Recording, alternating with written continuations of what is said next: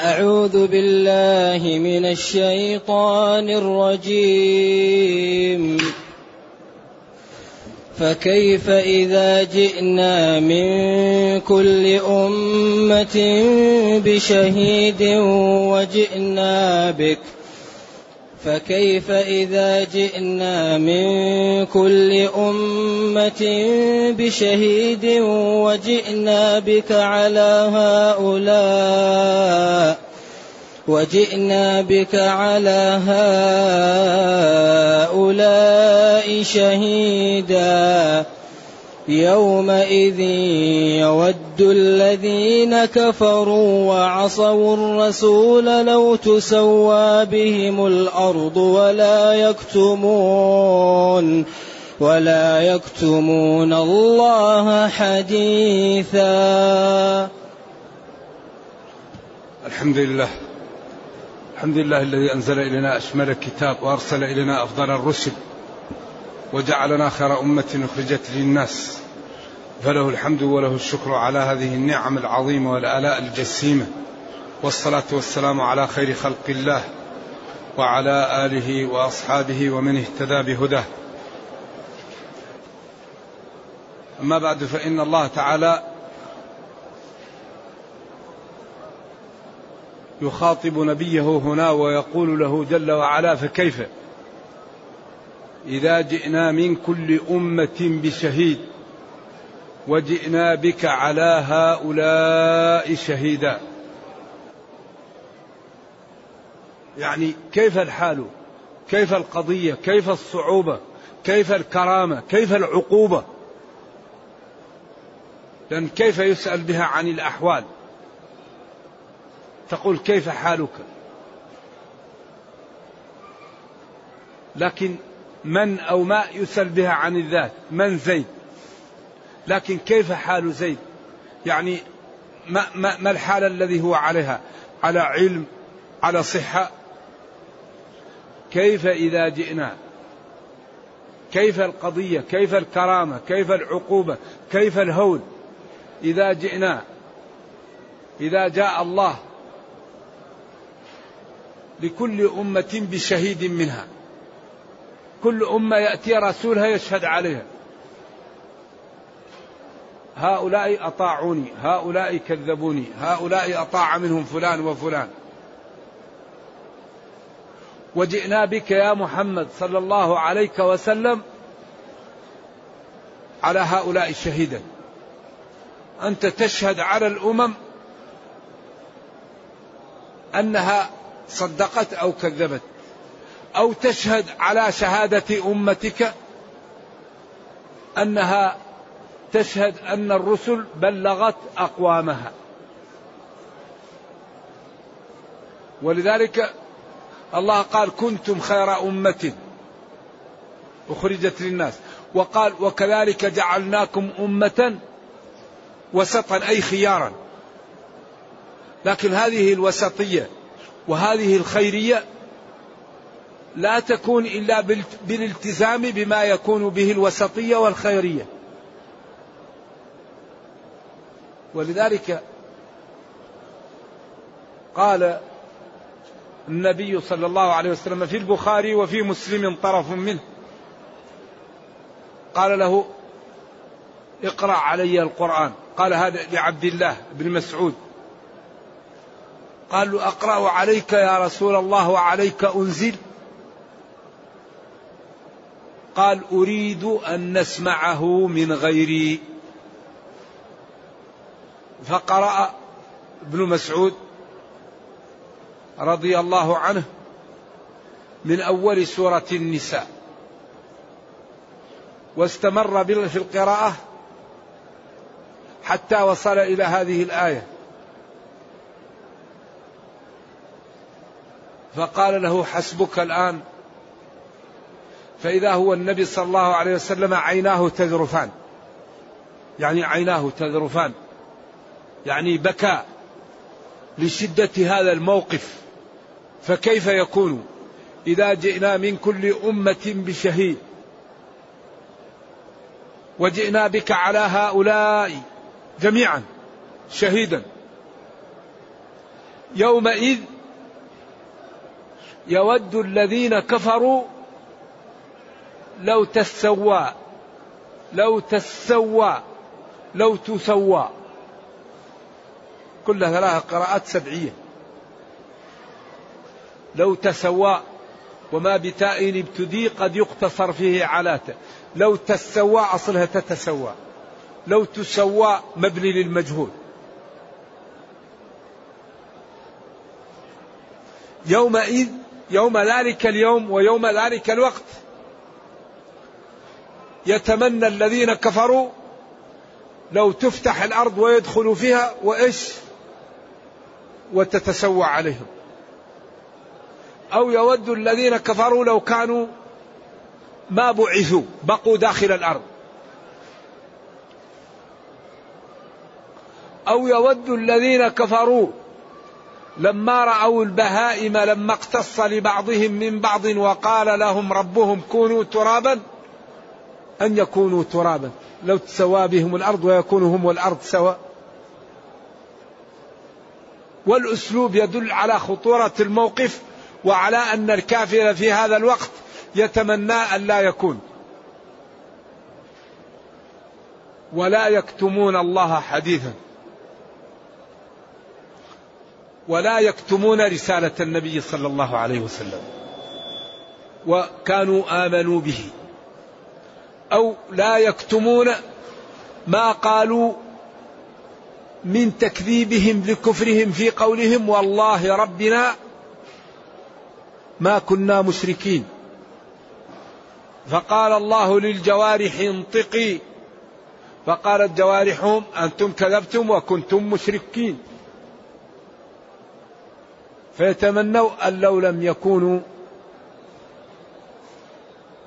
ما كذبوا.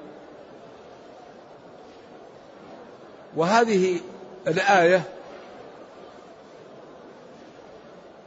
تخيف وتنبه المسلم أنه يأخذ من نفسه لنفسه قبل أن يفوت عليه الأوان. فكيف إذا جئنا؟ فكيف يكون الأمر والحال؟ إذا جئنا من كل أمة بشهيد. يأتي النبي ومعه الرهط والنبي ومعه الرجل والنبي ومعه الرجلان ويأتي النبي وليس معه أحد. كل رسول يأتي يشهد على أمته. طيب يقول للرسل من يشهد لكم؟ يقول تشهد لنا أمة محمد صلى الله عليه وسلم. يقول كيف تشهد علينا أمة النبي صلى الله عليه وسلم وهم جاءوا بعدنا؟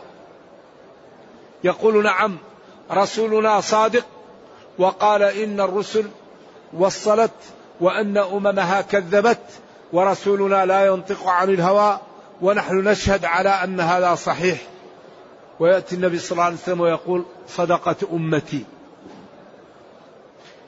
إذا فكيف الحال؟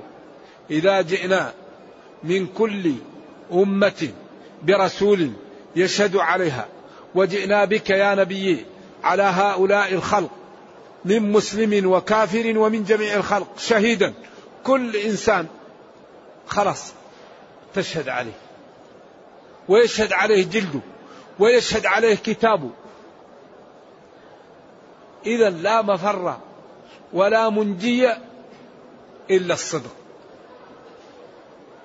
نحن الآن لا زلنا في الدنيا ولا زلنا في فسحة.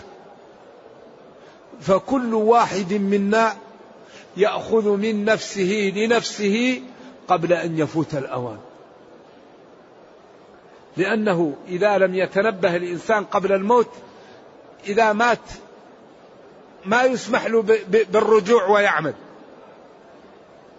ولذلك أهل النار ما لا يقولون؟ ربنا ماذا؟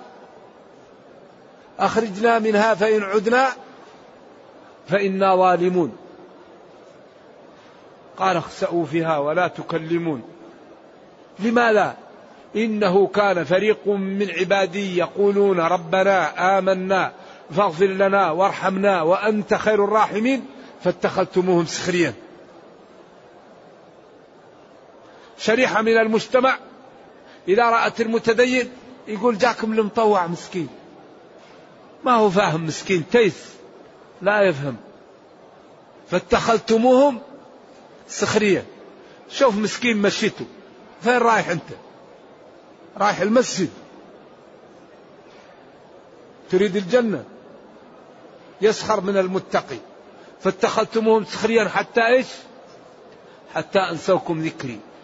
وكنتم منهم تضحكون. لأن المسلم خائف. المسلم ناحل. المسلم مشغول. المسلم مهموم. لا يدري هل هو في جنة أو في نار؟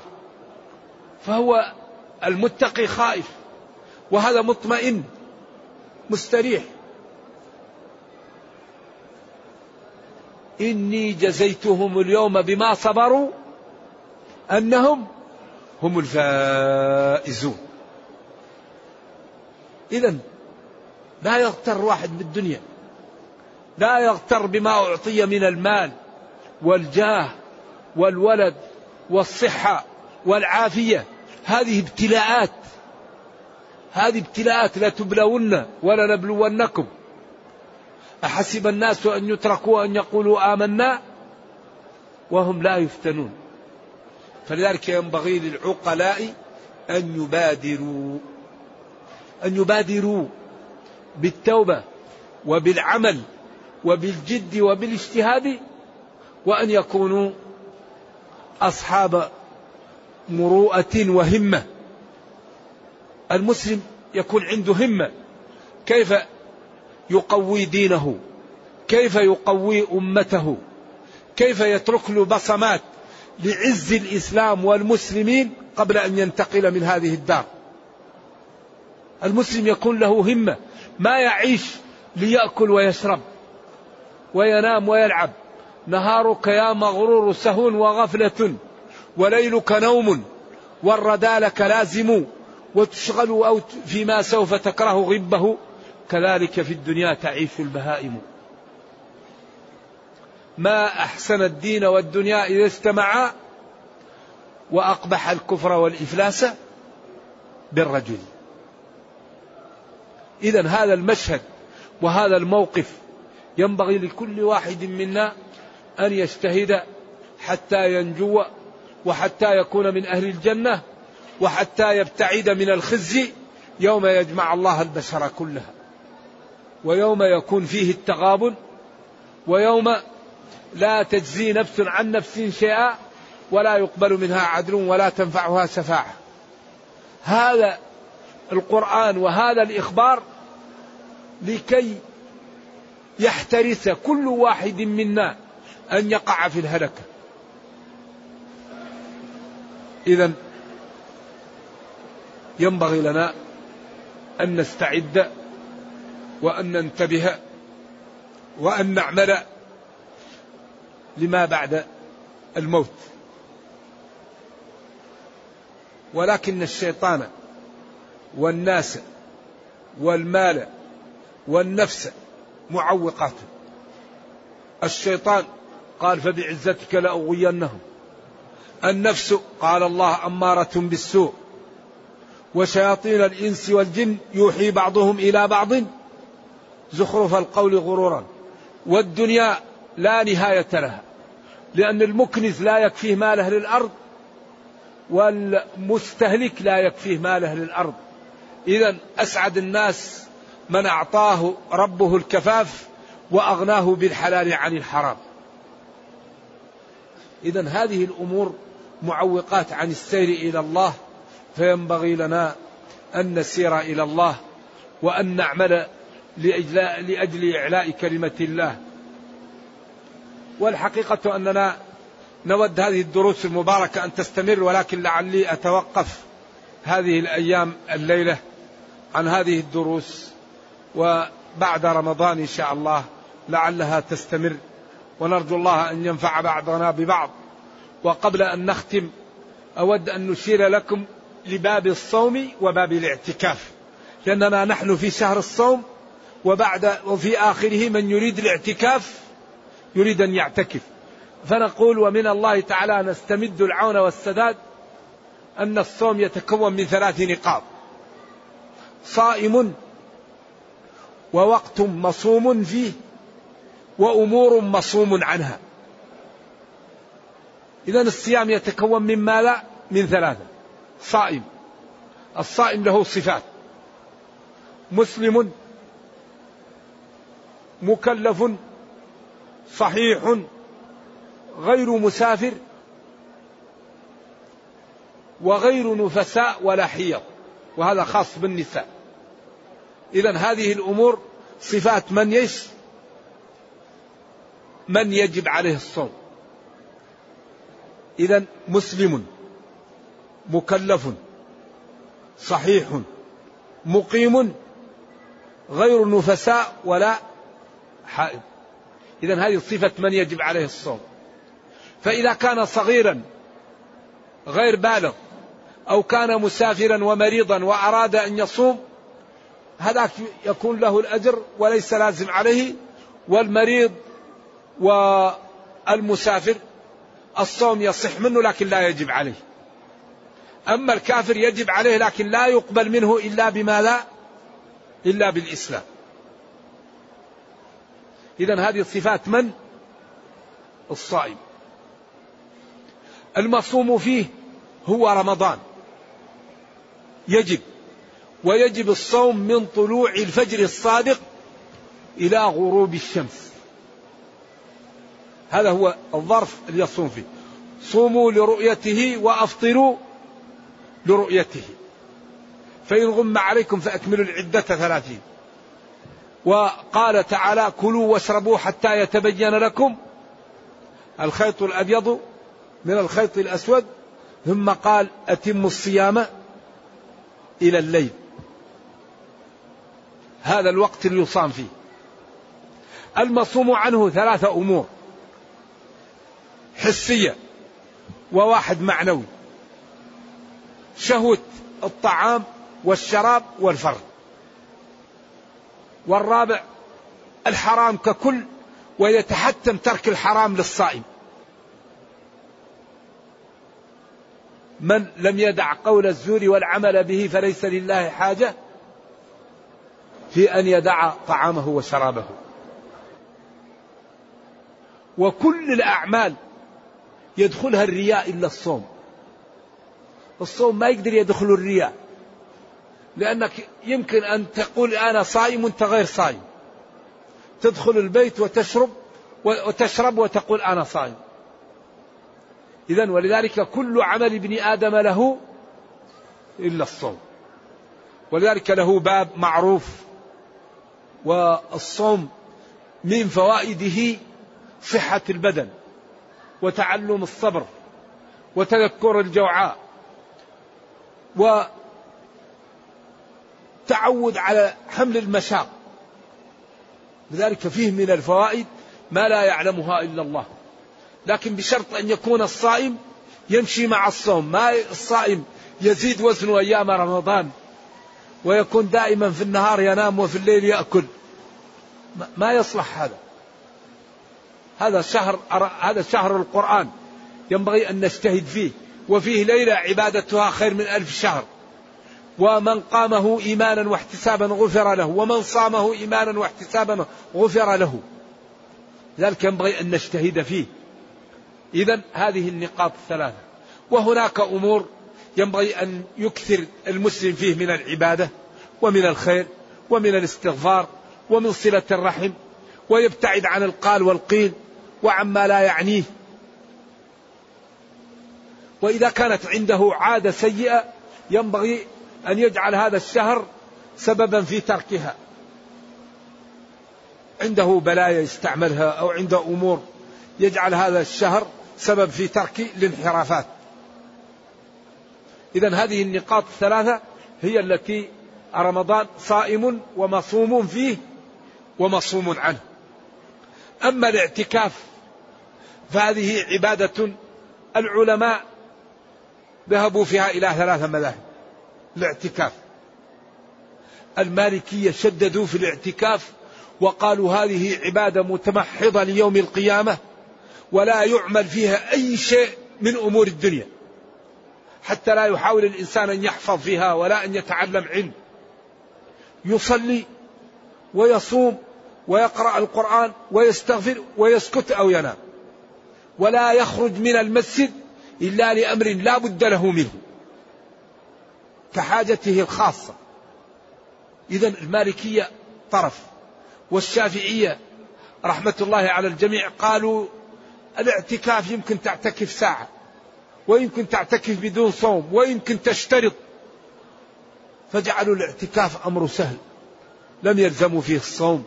وقالوا يمكن أن تشترط وتخرج لبيتك وتخرج وتشهد الجنائز وترجع. والحنابلة والشافعية رضي الله عنه والحنابلة والأحناف توسطوا فاشترطوا فيه الصيام ولم وقالوا إن تشترط يجوز لك أن تخرج والذي يدخل في الاعتكاف ينبغي أن يلتزم به لأنها عبادة ليست لازمة. والمسلم يدخل نفسه في عبادة ينبغي أن يقوم بها. فلا تدخل نفسك في عبادة وبعدين تسبب لنفسك إيش؟ الضيق والحرج.